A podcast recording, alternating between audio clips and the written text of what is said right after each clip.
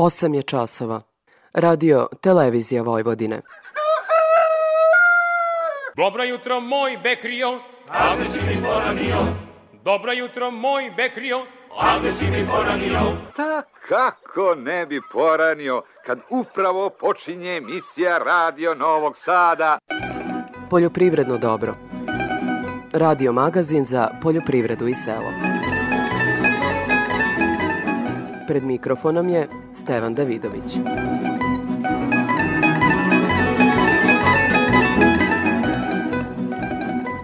Dobro jutro. Zahlađenje sa mrazom šteti biljnoj proizvodnji.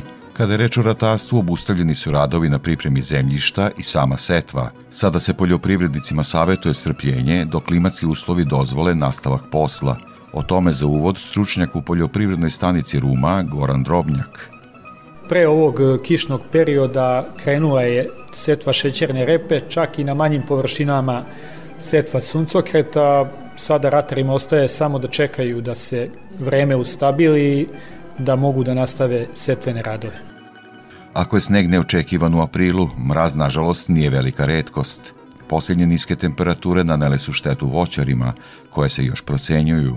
Uz mraz voćarima je problem i nedostatak polinatora, odnosno pčela koje treba da obave oplodnju. Tim problemima posvetili smo temu emisije. Vlada Srbije odobrila je Republičkoj direkciji za robne rezerve da otkupi 50.000 tona merkantilne pšenice roda 2022. godine. Otkup pšenice biće od fizičkih lica, registrovanih nosilaca poljoprivrednih gazdinstava u najvišem iznosu od 100 tona po gazdinstvu. Cena merkantilne pšenice je 28 dinara po kilogramu bez PDV-a, a kupovina će se vršiti posredstvom produktne berze u Novom Sadu. Krajem protekle sedmice ministarka poljoprivrede Jelena Tanasković navela da se ratari mogu prijaviti za davanja po hektaru koje iznose 9000 dinara. Ministarka rekla da će iznos po hektaru biti 6000 dinara plus 3000 dinara regresa za gorivo. Navela je da će javni poziv biti otvoren do 31. maja i da će poljoprivredni proizvođači, kako se budu prijavljivali na e-agrar, ako imaju kompletnu dokumentaciju, odmah dobijati novac. Za kraj uvoda, zašto su guže ovih dana u poljoprivrednim stručnim službama i kako napreduje prijava poljoprivrednika na e-agrar, takođe je zapis koji ćete čuti u nastavku. Sledi muzika, pa izveštaj agrometeorologa.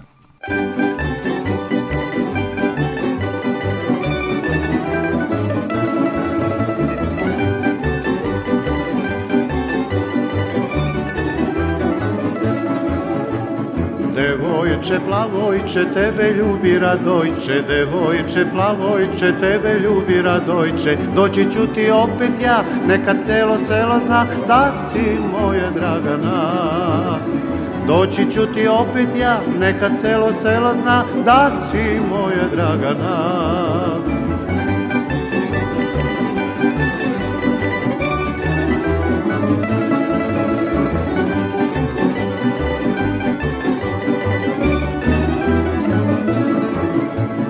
I mama i tata da će nama dukata. I mama i tata da će nama dukata. A šta će nam dukati kad ćemo se voleti Dušo moja ja i ti. A šta će nam dukati kad ćemo se voleti Dušo moja ja i ti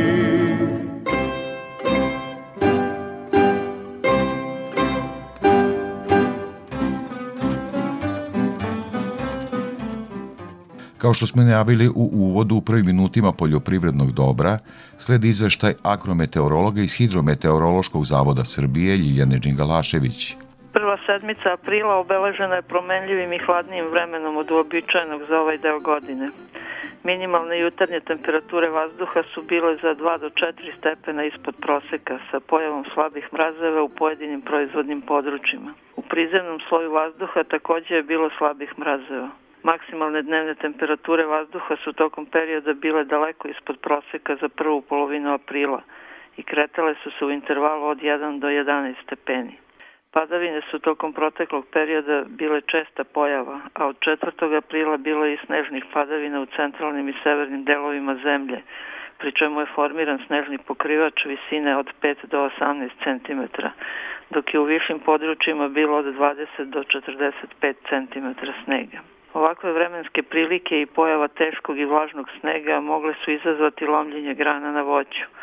Pojava mrazeva nije u velikoj meri uticala na stanje procvetalih voćarskih kultura, koliko će uticati hladno i vlažno vreme na let insekata polinatora. Iako su optimalni rokovi za setvu jarih useva, kukuruza, suncokreta, soje počeli, nepovodni agrometeorološki uslovi još uvek ne dozvoljavaju obavljanje ovog posla.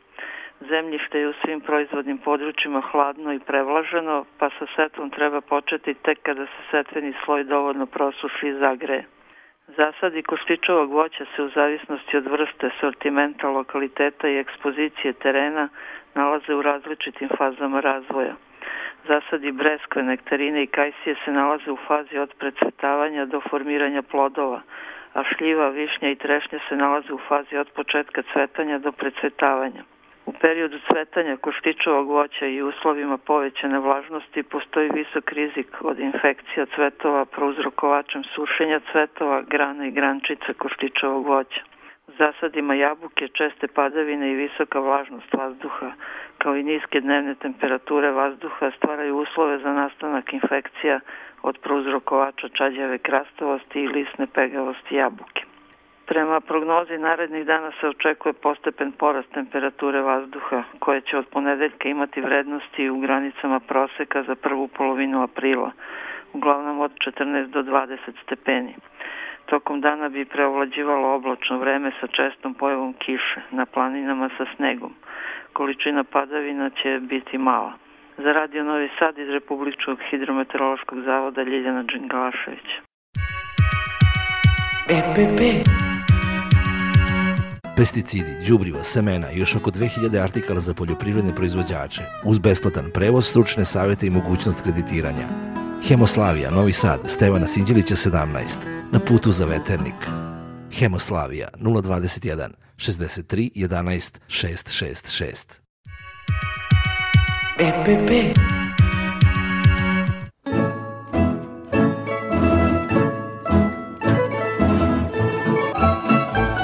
Naredni minuti rezervisani su za ratarstvo. O aktuelnim radovima razgovarao sam sa savetodavcem u poljoprivrednoj stanici Ruma, Goranom Drobnjakom. Kakva je situacija na terenu? Evo ovo zaklađenje, razgovarali smo sa voćarima, ne odgovara. Što se tiče ratara, pšenica, ječam, kako je stanje? E, pšenica je izuzetno otporna na niske temperature, tako da za sad ne primećujemo nikakva oštećenja na pšenici.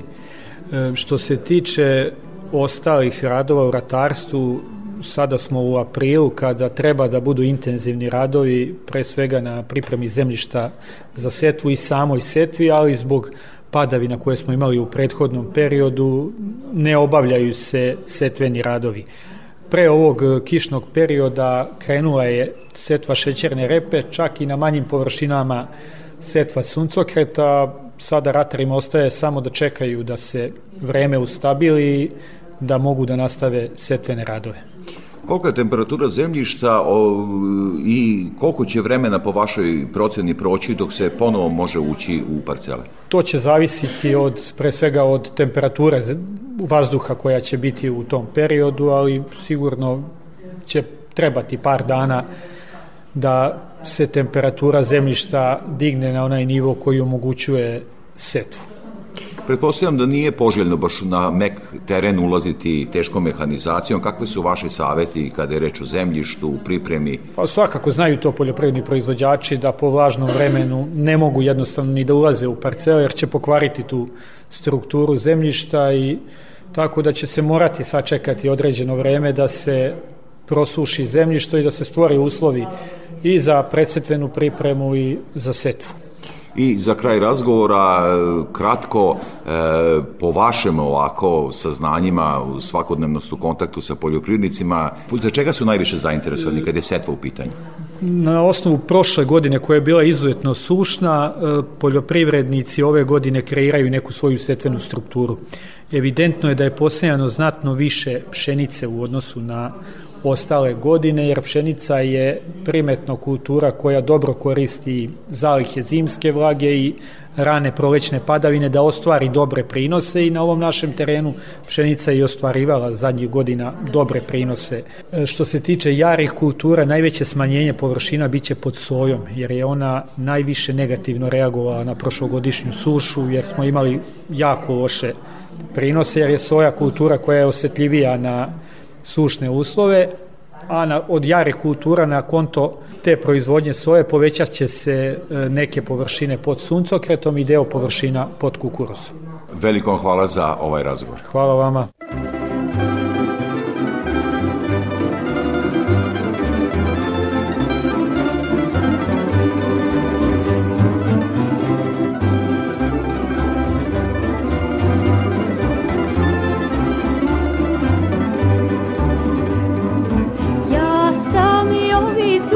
shine.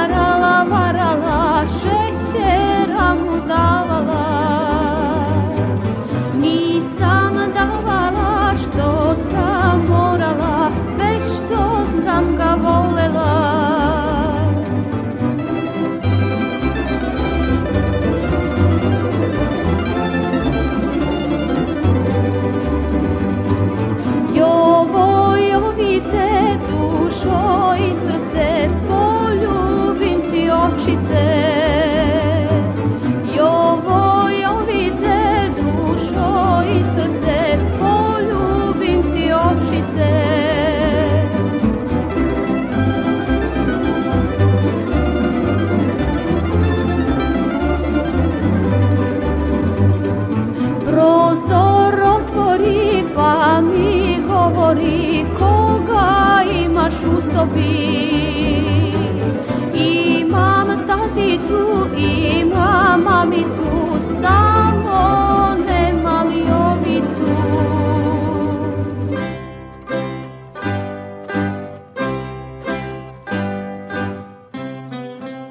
Relativno toplo vreme pravi probleme u biljnoj proizvodnji, o čemu slušamo u izveštaju Boška Jezerkića iz prognozu izveštene službe za zaštitu bilja. Najpre bi ispred prognozu izveštene službe zaštite bilja svim slušalcima radio emisije Poljoprivredno dobro, koji danas slave uskrs, poželeo srećan praznik i sve najbolje. U proteklom nedelji imali smo prisutu padavina, pa čak i sneg, snežna pokrivača uz niske temperature za ovo doba godine. U pojedinim regionima na području Vojvodine zabeležen je mraz u trajanju od nekoliko sati i to utorak i četvrtak u jutarnjim časovima. Ovo bi moglo da ima utice na zdravstveno stanje voćih vrsta koje su bile u fazama cvetanja. Naravno da se sad u narodnom periodu najavljuje porast temperatura kao i dalje razvoj vegetacije, tako da nas očekuje dalja zaštita useva i zasada. U jabuci je aktuelna zaštita od pegavosti, jer se sa svakim padavim očekuje stobađanje askospora i moguće ostvarenje infekcije ukoliko bude dugotrajno vlaženje lista. Košičevo voće koje u fazi cvetanja pred padavine treba preventivno štititi od prozrokovača monilioze. Bresve i nektarine koje su u fazi precvetavanja treba zaštititi od prozrokovača šupljikavosti lista košičevog voća. E, ovaj tretman se takođe e, najavljuje pred najavljene padavine. U zasadima u kojima se registruje prisustvo tripsa, i to samo u onima koji se nalaze u fazi precvetavanja, naročito u zasadima nektarina, preporučuje se primjena insekticida. Aktualni zaštita od kruškine buve u zasadima krušaka koji su u precvetavanju primjenom nekog insekticida na bazi aktivne materije abamektin. Napomenut ćemo kao i u svim prethodnim emisijama da je primjena insekticida u fazama cvetanja voća zakonom zabranjena i da se insekticidni tretmani u voću preporučuju samo u precvetavanju, odnosno u zasadima da više nisu prisutni polinatori. Stabilizacijom vremenskih prilika očekuje se i nastavak rasađivanja ranog kupusa, kao i sadnja krompira. Na lepljim pločama sa hranidbenim atraktantom koje su postavljene u atarima beleži se ulovi kupusne muve. Ovo je najznačajnija štetočina ranih kupusnjača. Proizvođačima se preporučuje primar registrovanih insekticida na bazi cipermetrina odmah po rasađivanju kupusa kako bi se spričilo polaganje jaja ženke kupusove mume na koreno vrat i zemlju oko biljaka. Dobra mera zaštite od ove štetočine je prekrivanje biljaka grilom nakon rasađivanja, jer se tijem mehanički sprečava polaganje jaja muve, kupusove muve na e, biljke kupusa. U kontroli krompirovog muljca u proizvodnji krompira za jesenju upotrebu preporuka je sprovođenje premedivnih mera, a to su sadnja krompira kraćeg vegetacijnog perioda, prilikom sadnje korišćenja zdravih krtola, duboka sadnja do 15 cm dubine i formiranje visokih bankova. U narednom periodu očekuje se intenzivnije klijenje i nicanje šećerne repe. U početnim fazama razvoja repa je ugrožena od repine pipe, te se treba obratiti pažnje na njeno prisustvo na novoposljednim repištima. Ukoliko se uoči njeno prisustvo od 1 do 3 pipe na 10 metara kvadratnih, preporučuje se primjena nekog od registrovanih insekticida. Sve aktualne informacije zaštite bilja možete pogledati na našem portalu koji se nalazi na adresi www.pisvojvodina.com iz prognoza izveštene službe za zaštitu bilja Boško Jezerkić.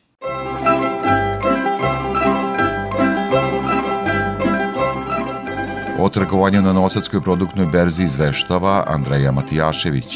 Proteklu nedelju na robnom berzanskom tržištu obeležio je rast cena pšenice i kukuruza. Sojino zrno, usled slabe tražnje, zauzima najmanji udeo u nedeljnom prometu. Na produktnoj berzi ukupno je prometovano 3700 tona robe, čija je finansijska vrednost iznosi 103 miliona 263 hiljade dinara. Statistički, kukuruzom se najviše trgovalo. Berzanski ugovori zaključani su u cenovnom rasponu od 22,70 do 24 dinara po kilogramu bez PDV-a. Poandar cene iznosi 23,52 dinara po kilogramu bez PDV-a, odnosno 25,87 dinara po kilogramu sa PDV-om, što je rast od 4,23% u odnosu na 7 dana ranije.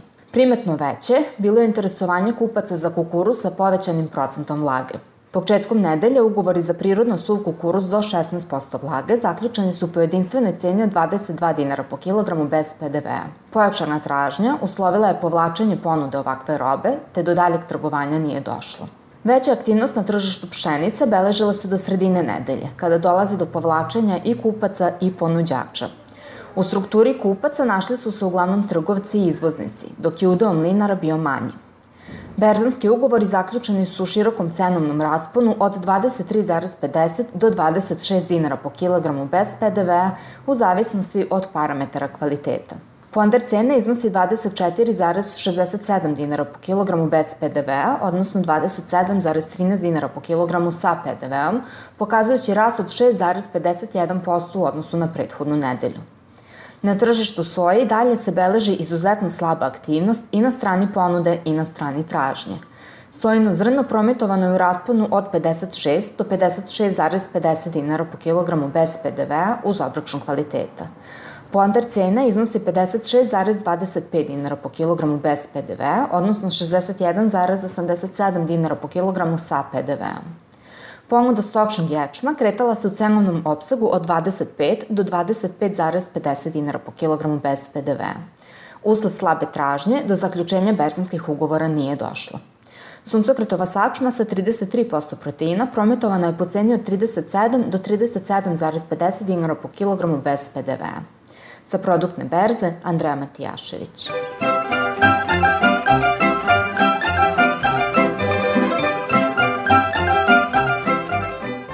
Kao i svake nedelje pratimo izveštaj o cenama sa tržišta žive stoke. Iz Infotim Logistike izveštava Gordana Jeličić. U toku ove nedelje naši saradnici su tovne svinje sa farme oglašavali po ceni od 235 do 245 dinara po kilogramu, tovljenike sa mini farme po ceni od 226 do 240 dinara po kilogramu, a tovljenike iz otkupa po ceni 220 do 226 dinara po kilogramu. Ukupno je ove nedelje ponuđeno više od 2300 tovljenika. Tokom nedelje pregovori za farmsku robu bili su na nivou do 240 dinara po kilogramu, a za mini farmsku robu na 235 dinara po kilogramu. Kako stvari stoje, ovaj nivo cena će se preneti i za iduću nedelju. Osim tovljenika, beležili smo i ponudu nazimica za priplod F1 od 48.000 do 50.000 dinara po komadu. Krmače za klanje su se za ovu nedelju dogovarale po 195 dinara po kilogramu. U toku nedelje prasaca farme su oglašavana po ceni od 500 do 530 dinara po kilogramu, prasaca mini farme po ceni od 450 do 500 dinara po kilogramu, a prasad iz otkupa po ceni od 470 do 490 dinara po kilogramu. Prasad za klanje bila su u ponudi od 470 do 500 dinara po kilogramu. U ovoj nedelji imali smo ponuđeno preko hiljadu i po prasadi. Zbog slabe operativnosti robe na terenu, i dalje se beleži širok raspon cena u pregovorima za prasadima različitih kategorija i kvaliteta. Koliko čujemo na terenu, naši saradnici su dogovarali prasad na 500 dinara po kilogramu. Više od 300 jagnjadi ponuđeno je po ceni od 333 do 417 dinara po kilogramu, a ovce za klanje po ceni od 185 dinara po kilogramu. Klaničari su zainteresovani za nabavku jagnjadi u narednom periodu. Cenu koju bi najčešće plaćali je 380 do 400 dinara po kilogramu sa uračunatim PDV-om. Ponude bikova Holštajn oglašene po ceni od 294 do 296 dinara po kilogramu, a bikova simentalaca po ceni od 314 do 330 dinara po kilogramu. Ove nedelje ponuđeno je više od 60 bikova. Po rečima kupaca, nije bilo većih cenovnih pomeranja oko pregovora za bikove i dalje smo u rasponu cena 2,7 do 3 evra po kilogramu sa uračunatim PDV-om. Krave za klanje su nuđena po ceni od 184 dinara po kilogramu. Kad je živina u pitanju, tovni pilići su bili u ponudi u rasponu cena od 170 do 180 dinara po kilogramu. Jednodnevno pile, teška linija, bila je ponuđeno po ceni od 48 do 59 dinara po komadu. Cene su izražene bez PDV-a. Za Radio Novi Sad, Gordana Jeličić iz Infotim Logistike. Kupi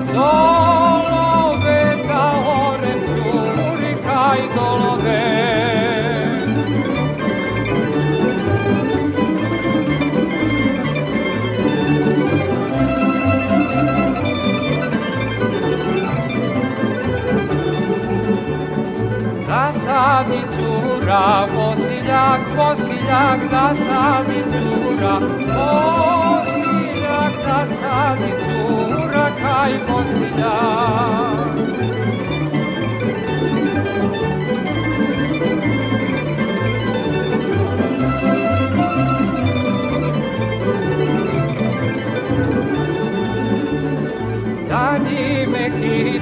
Prozore, prozore, danji me kiti, prozore,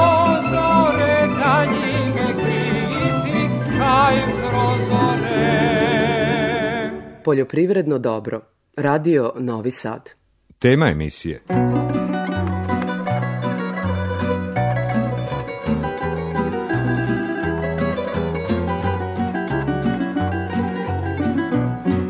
U temi emisije govorimo o voćarstvu, o nastalim štetama od mraza na voću i slaboj aktivnosti polinatora razgovarao sam sa savetodavcem u Rumskoj poljoprivrednoj stanici Sandom Klještanović.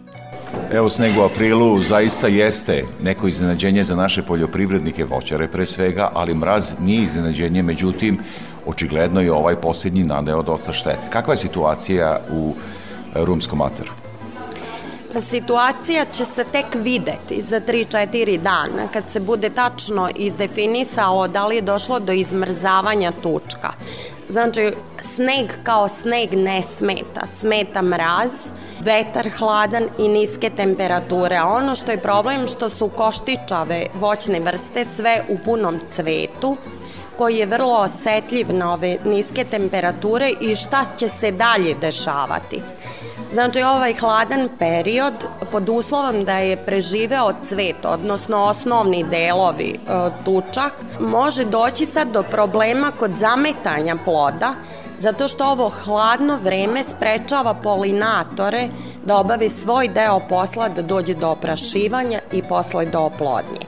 Tako da će se ovaj kompleksan problem koji se pojavljuje tek moći znati negde iduće nedelje kolike su tačne štete da se izvrši procena. Ono što je bitno napomenuti to je e, da su i čak i te mikrodepresije e, bile u opasnosti zbog vetra koji je nosio hladan vazduh pa čak i na padinama i po Fruškogorju e, na terenima koji su do sada bili pošteđeni ovih pojava gde je mraz, pa je i tu dolazilo do značajnijih šteta čak i kod jabuke, znači voćne vrste koja je do sad uspevala da izbegne ove aprilske mrazeve i niske temperature. Tako da su u jabuke u fazi balona kod ovih ranijih sorti, letnje naročito, Jedina što je sreća da takvih nema mnogo na terenu, uglavnom su zimske sorte gde su još zatvoreni uh, pupoljci i gde ćemo tek procenjivati kolika je šteta u pitanju. Iz vašeg iskustva, naravno, egzaktno tačno kolika je šteta će se proceniti, evo Naravno. kao što ste rekli, uskoro, ali iz nekog vašeg ranijeg iskustva ovakve situacije, koliko mogu umanjiti rod? Pa ne e, nešto značajno ako pričamo o jabuci, zato što je nama kod jabuke potrebno 5% oplođenih cvetova da bismo imali e, rod koji je e, cenovno i ekonomski prihvatljiv. Ali ono što je bitno napomenuti to je da već niz godina za redom zbog klimatskih promena određene voćne vrste kao što su nam kajsija, breskva, trešnja, sad je bila ugrožena i višnja, jagode na otvorenom. To su voćne vrste koje je postala već redovna pojava da dolazi do umanjenja, naročito prvih plodova, ako spominjemo jagodu, koje imaju najveću e, cenu, ona se posle e, regeneriše, donese odgovarajući rod, međutim smanjen je prihod kod proizvođača jer najveću zaradu imaju od tog prvog roda jagoda. Tako se odnosi kod ostalih voćnih vrsta. Znači, proizvođači koji imaju voćne vrste koje su prve na tržištu, ako spominjemo trešnje, rane, sorte, one prve stradaju, a to je njima najveća zarada. Znači, tu sad, osim umanjenja roda, dolazimo do umanjenja prihoda kod proizvođača, a problem je kompleksan zato što osim uslova proizvodnje koji su im se promenili u prethodnom periodu, oni imaju niz drugih problema. To je povećanje cena repromaterijala, nedostatak radne snage i ono što ih dočeka na kraju, to je neuređeno tržište gde imaju problem sa plasmanom. Nekako mi je e, pažnju privuklo nešto što ste e, u prednjem delu rekli, a to su polinatori, odnosno pčele, oprašivanje. E, isto iz vašeg iskustva, hladan period koji onemogući let pčela, koliko može uticati to, može isto biti vrlo, vrlo značajno za prihod i prinos. Naravno, to može da bude značajno, naročito zato što e, naši voćari još uvek nemaju, da li sad više je to zbog nedostatka sredstava nego informacija da postoje polinatori koji su ciljano namenski prilagođeni ovim vremenskim uslovima.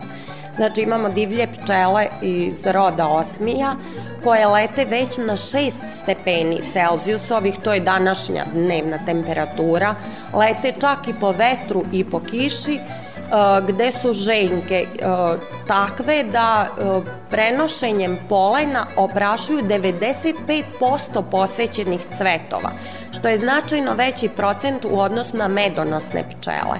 Nemaju proizvođače nikakvih obaveza oko njih, one nisu medonosne, nisu agresivne i žive u okolini voćnjaka na nekih 200 metara. Ono što je bitno, bitno je da im se obezbedi neka nastrešnica u zimskim uslovima i u nekom delu da im se obezbe, obezbedi voda. I to su te solitarne pčele koje same sebi izgrađuju sklonište i naravno zbog svog potomstva one poveć, uh, posećuju toliki broj cvetova, ali to je nama u korist jer vrlo dobro odrađuju taj deo posla. Postoje i bumbari koji su naročito interesantni za voćne vrste ili sorte, kao što je, na primjer, sorta jabuke greni koju e, e, nerado posećuju medonosne pčele, a opet imamo naročite polinatore koji su ciljano ili za neke sorte krušaka ili jabuka, znači u okviru svog zasada da proizvođači uvedu jednu od mera aktivnosti ubacivanje uh, polinatora, odnosno oprašivača.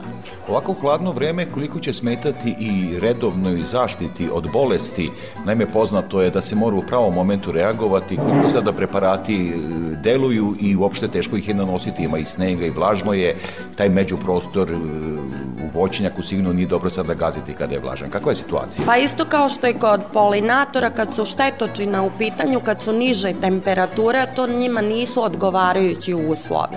Međutim, to je više uh, tema za kolege uh, zaštitare koji odrađuju sad svoj deo uh, posla. Šta je bitno? Bitno je da je zdrav list, zdrav cvet, zdrava biljka koja samim tim ima svoju izraženiju otpornost, a u okviru redovnih mera zaštite treba pratiti uputstva prognozno izveštajne službe, kolega zaštitara, kad je to pravovremeno u kojoj se e, fenofazi biljka nalazi i u kojem trenutku treba primenjivati odgovarajući preparat. Mi voćari naravno savetujemo da se uvek sačeka da prođe vreme cvetanja baš zbog polinatora, da se ne primenjuju e, nikakva sredstva, da se obavi oprašivanje i da dođe do oplodnje, jer zbog tog ploda i gajimo biljke, a opet treba o, obezbediti odgovarajući trenutak kad može da dođe do zaraze. Naprimjer, ako je moni ili ona se dešava u cvetu, ako dolazi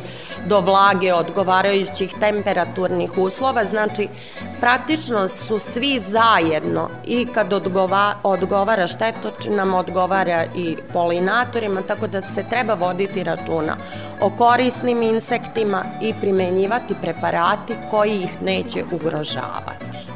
Evo možda za kraj razgovora, e, nažalost bilo je godina kada i 1. maja bude mraz. Da. Dakle, šta se može učiniti, koliko su, da kažem, pripremljeni evo, voćari ovde u, u Rumskom ataru za takve situacije? Šta se tu može uraditi?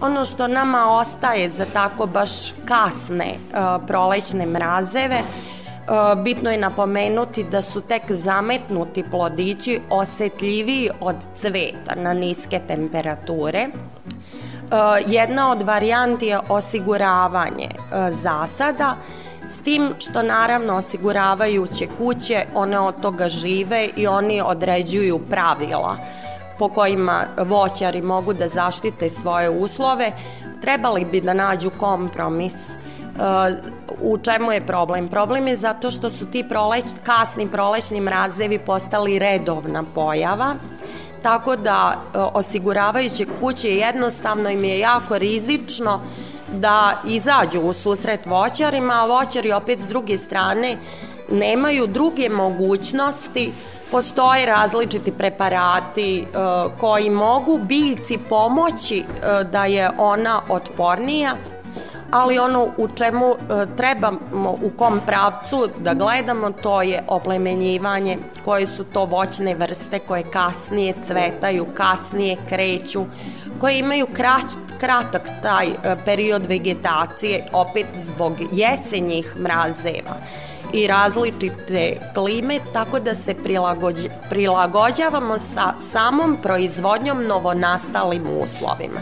Znači, mi moramo da menjamo prvo razmišljanje, a onda samu proizvodnju koju prilagođavamo situaciji u kojoj se trenutno nalazimo kratko samo ono zadimljavanje, orošavanje, to su isto neke standardne mere, pretpostavljam samo na manjim gazdinstvima. Kakva je situacija u Rumskom ataru? To jeste uh, jedan od, ajde da kažem, metoda koji zahteva mnogo fizičkog rada, a ovde govorimo o intenzivnim zasadima. Znači, mi možemo zaštititi par stabala na okućnici, ali ako imamo 5-10 hiljada stabala na velikoj površini, Jedno vreme ti veliki kombinati su imali čak e, i helikoptere koji su nadletali pa taj prizemni sloj vazduha razbijali da bi se sačuvao, o, zatim o, orošavanje biljaka, gde u jednom trenutku dok e, kapljica vode prelazi iz e, tečnog u čvrsto stanje oslobađa deo toplote koji je dovoljan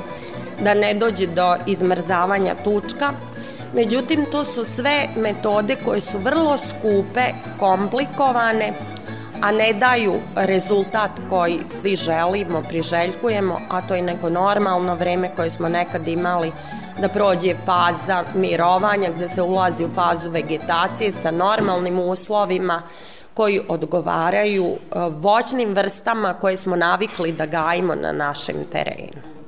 Veliko vam hvala za ovaj razgovor i učešće u programu Radio Novog Sada u emisiji Poljoprivredno dobro. Hvala vama. Prijatno.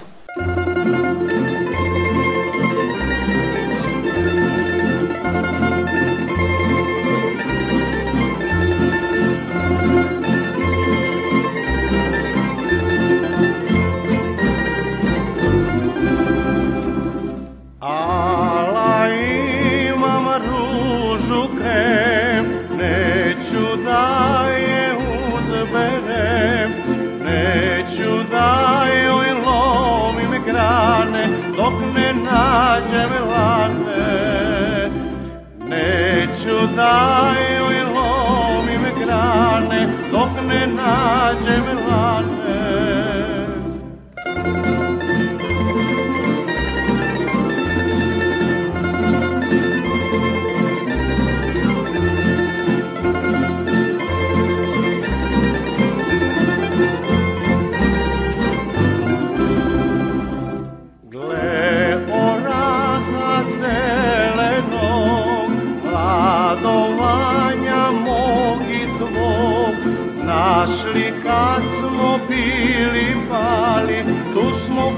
Hladovali.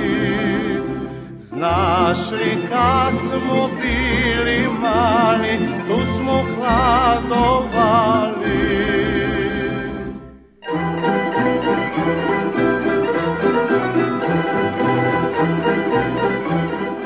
O tome zašto su gužve ovih dana u poljoprivrednim stručnim službama i kako napreduje prijava poljoprivrednika na e-agrar, razgovarao sam sa savetodavcem u Rumskoj poljoprivrednoj stanici Uglješom Trkuljom.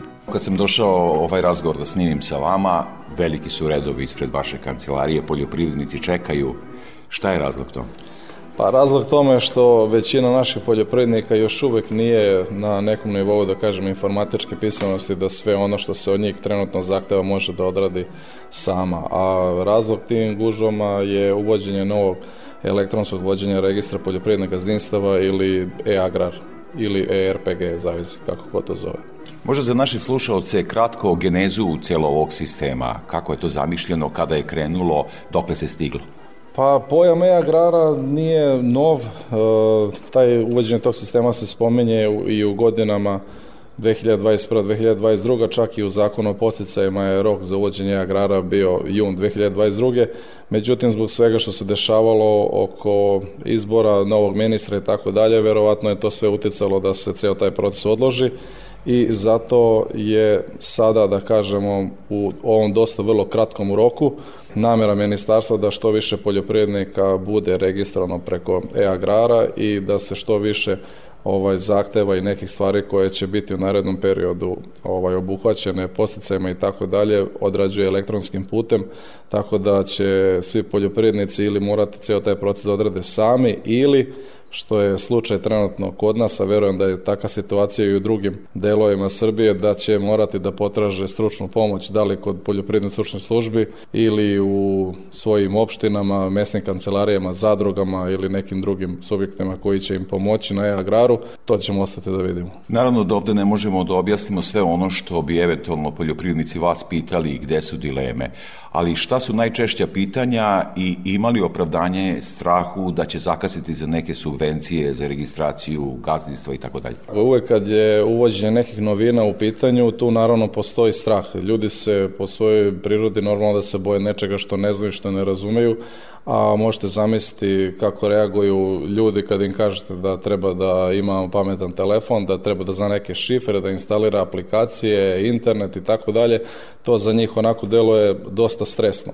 U principu mi se trudimo da što više ljudima uprostimo taj proces i ceo taj ovaj posao preuzimamo na sebe i onako u, u početku je tu bilo dosta nekih problema, dosta tu ima pitanja, nije tu pitanje samo tehničke opravljenosti što nas, što i njih, nego je tu i problem ovaj, zato što je Agrar povlači dosta podataka iz drugih sistema, baza podataka, katastra, uprave za veterinu i tako dalje, na koje mi ne možemo da utičemo, a u tim bazama postoji jako puno problema, tako da sve te neke situacije koje se dešavaju, mi imamo dodeljenu jednu osobu u upravi za agrarna plaćanja koje možemo se obratimo i oni ljudi gledaju da sve te neke probleme sa kojima se mi susrećemo reše, a mi onda dalje gledamo da prenosimo informacije krajnjim korisnicima, odnosno poljoprivrednicima i nekog za sada taj ceo proces ide onako sporo, ima tu problema, ali nekako ide.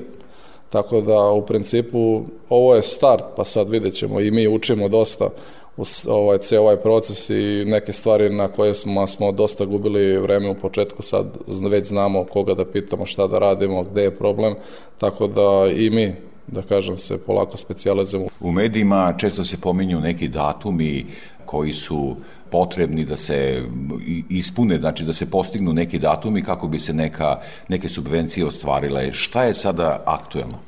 Vidite, jedno, kad su pitanje o datumi, to je ono što naše poljoprivrednike najviše interesuje, ali sa druge strane jedno su želje, a drugo su mogućnosti.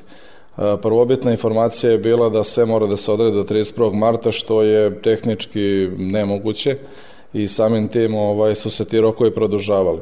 Kako se rokovi produžavaju, tako i poljo, kod poljoprivrednika smanjuje se, da kažem, ta želja da se sve odradi danas, ali Ako ne stavite neki rok, onda bi se ceo taj proces odložio u nedogled. Tako da po meni je bolje staviti neki rok pa ga pomerati 15 dana, 20 dana i tako dalje, nego ostavite mogućnost nekome da nešto radi kad god njemu padne na pamet, jer onda će ovaj, svojom nemarnošću sam sebe dovesti u problem, doće da odradi nešto kad svi rokovi prođu u principu i kad oni dođu što preko od nas, mi ih informišemo o nekim rokovima i šta mogu da očekuju u narednih 10 dana, mesec dana, dva meseca, šta ja znam, ali kad je u pitanju recimo konkurentan poljoprivreda ili IPARD, onda čak možemo da im kažemo i da ne, za neke stvari što će biti tek za šest meseci, ali da treba da uđe da se priprema na vreme.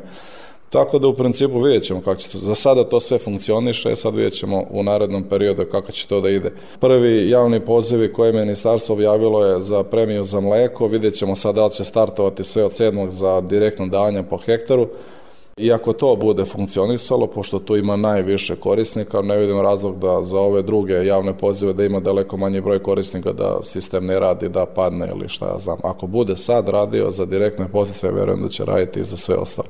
Koliko tu naši poljoprivrednici imaju kada pominjemo direktne postice sada prostora u ovom momentu? Pa vidite, tu se u, u smislu iznosa ništa nije menjalo u odnosu na prošlu godinu, 6000 su direktni postice i 3000 regra za gorivo.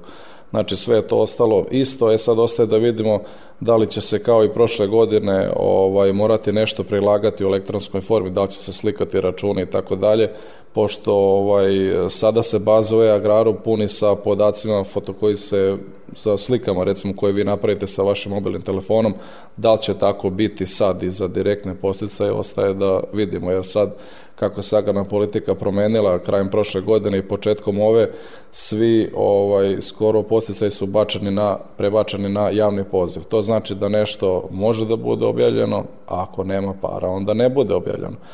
Tako da ovaj ostaje da vidimo, a svaki javni poziv je priča za sebe, zato što se javnim pozivom definišu kriterijumi šta neko treba da urade da ispuni da bi uopšte mogao da ostvari pravo na postice sad pominjete podsticaje i sve ono što oni treba da prilože u elektronskoj formi, e, šta je sa tim pravnim aspektom kada je u pitanju direktni podsticaj i recimo vlasništvo nad zemljištem i ostalo?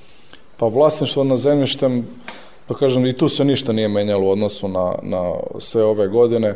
Posticaje mogu da se dobiju na zemljište u vlasništvu ili na zemljište koje ste izuli zakup ili ako ste ga dobili ustupljeno na korišćenje. Jedino ne može da ostvarite pravo na državno poljoprivredno zemljište, na sve ostale forme možete. I ne možete da uzmete u zakup zemljište od pravnog lica, jednostavno ne možete da ga upišete u registra poljoprivredne gazdinstva. Znači tu se ništa faktički nije menjalo. I nekako nam za kraj razgovora zaista jedna široka tema, e, ja pretpostavljam samo koliko su poljoprivrednici uslovno da kažem zbunjeni još dok ne uđe u taj sistem u punu praksu.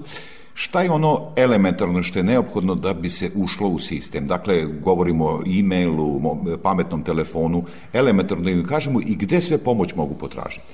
Vidite ovako, da bi neko radio agraru treba da ima ili pametan telefon, mail adresu, da bi mogla da se instalira aplikacija Consent ID ili da ima ličnu kartu čiponu sa elektronskim sertifikatom i elektronskim potpisom. Znači nešto od ta dva mora da ima.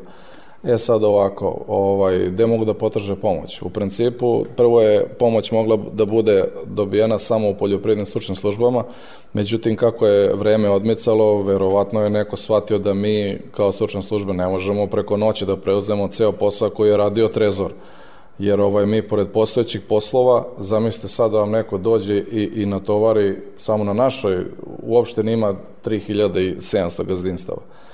Ovaj, pošto je neko uvideo da je to tehnički neizvodljivo, uz sve ono što mi pokušamo da se prelagodimo i da odvojimo što više ljudi da to radi, ovaj, taj proces su počeli sad da rade i određeni ljudi u opštini, koje je normalno opština delegirala da to rade, zovu nas ljudi iz mesnih kancelarija, vidim da su i ovaj, zemljoradničke zadruge ovaj, izdvojile po jednog do dva čoveka da može da radi na tim stvarima, jer po meni je to i prirodno, zato što i poljoprivredne stručne službe, zadruge, faktički su svi u istom poslu, ovaj, imamo posla s poljoprivrednicima i jedni drugima pomažemo da se ceo taj posao što pre završi i da bude što više srećnih.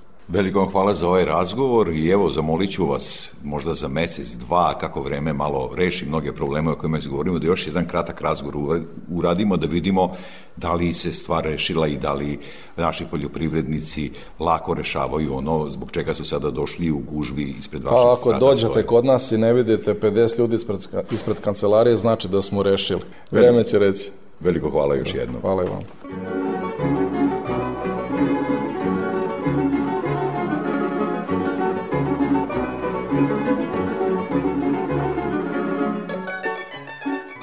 Izašao iz štampe novi cenovnik mašinskih usluga u izdanju Zadružnog saveza Vojvodine. Sa autorom Petrom Radićem razgovarao je kolega Đorđe Simović. Zadružni savez Vojvodine svake godine uh, izdao ovo veoma bitno ovaj priručnik, veoma bitan za naše poljoprivrednike, ali i za neke druge segmente našeg društva, pa gosta iz Zadržnog saveza Vojvodine Petra Radića bi prvo upitao e, kome je cenovnik mašinskih usluga u poljoprivredi namenje? E, hvala, pozdrav vama, Đorđe i vašim ovaj, slušalcima. Pa cenovnik mašinskih usluga je namenjen pre svega znači onima koji daju mašinske usluge, ali isto tako i primaju mašinske usluge. Neretko e, svejedno da li u pitanju porodično gazdinstvo, zadruga ili čak neko veliko imanje, nema kompletnu lepezu svih mašina, tako da se u nekim segmentima pojavljuje kao davalac usluge, u nekim kao primalac. Ili čak dolazi do da kažem, neke specijalizacije gde jedan poljoprivrednik se specijalizuje za setvu i žetvu, a drugi recimo za pružanje usluga zaštite bilja i tako, tako da ovaj, jedan drugom kooperiraju i zajednički obrađuju njihova imanja. E, cenovnik mašinskih usluga u poljoprivredi može da pomogne i kada dođe do e, neka situacija, dođe do suda? Da, nažalost, ovaj, kako je to u tradiciji našeg naroda, ovaj, često se koristi znači, i sudski veštaci, odnosno sudovi ovaj, se ravnaju po tome. Koje su sve operacije u cenovniku obuhvaćene? Znači mi smo tu dali nekako grupisali u neke u neke ovaj osnovne osnovne e, grupe, pre svega rad pogonske mašine kao same pogonske mašine, a onda posle toga rad agregata pa od neke osnovne obrade i predsetvene pripreme, nege useva, setve, e, zaštite radova u voćarstvu i vinogradarstvu, jel da kao specijalizovane tipa mašina, e, transport, e, žetva, e, zelena linija, ali tako kod ovaj proizvodnje kabaste stočne hrane i nekih ostalih operacija koji, da kažem, nisu našli mesto u ovoj nekoj klasičnoj podeli. Nafta je izvučena iz same, odnosno pogonsko gorivo, jel da je izvučeno iz same cene usluge, tako da je ima ovaj, da kažem, fiksni deo cene i još ovaj deo izračunat u potrošnji goriva po jedinici mere na dan pružanja usluge doda se na ovaj deo i to je to nešto što se što se ovaj vrši u obračunima. Dakle, idealno štivo za one koji imaju viška vremena, a imaju i viška kilovata savremene poljopredne e, mehanizacije. Pa dobro, da.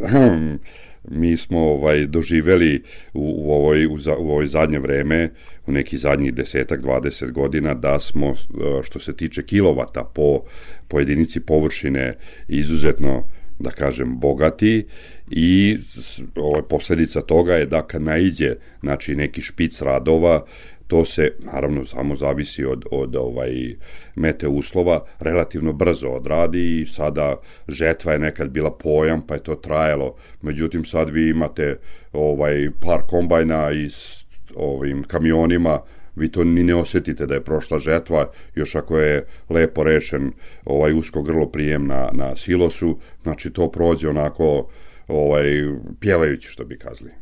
Sagovornik u programu Radio Novog Sada Petar Radić iz Zadružnog saveza Vojvodine. Čizme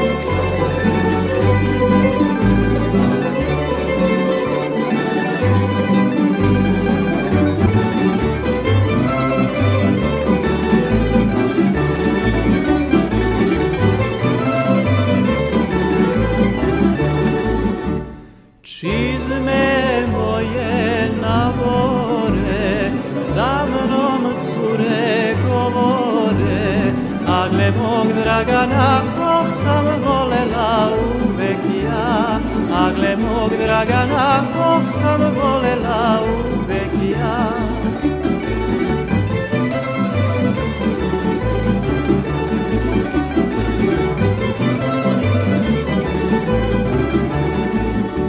Čizme moje škripuću, za mnom cure šapuću, a mog Dragana, kog sam volela uvek ja, a mog Dragana, kog sam volela uvek ja.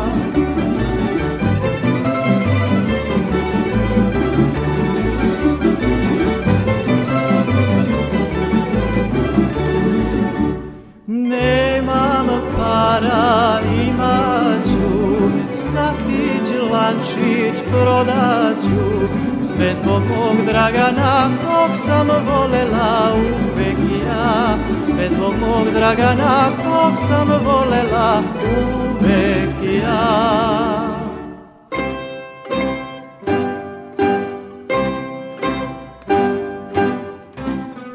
I pred kraj emisije još jednom prognoza za narednu sedmicu. Iz Hidrometeorološkog zavoda Srbije Ljiljana Đingalašević. Prema prognozi narednih dana se očekuje postepen porast temperature vazduha koje će od ponedeljka imati vrednosti u granicama proseka za prvu polovinu aprila, uglavnom od 14 do 20 stepeni. Tokom dana bi preovlađivalo oblačno vreme sa čestom pojavom kiše, na planinama sa snegom. Količina padavina će biti mala. EPP. Pesticidi, đubriva, semena i još oko 2000 artikala za poljoprivredne proizvođače, uz besplatan prevoz, stručne savete i mogućnost kreditiranja. Hemoslavija, Novi Sad, Stevana Sinđelića 17, na putu za veternik. Hemoslavija 021 63 11 666. EPP.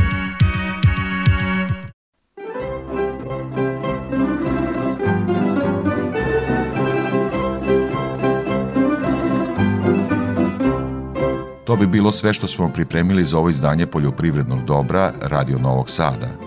Emisiju montirao Jovan Gajić, muziku birao Aleksandar Stojanović.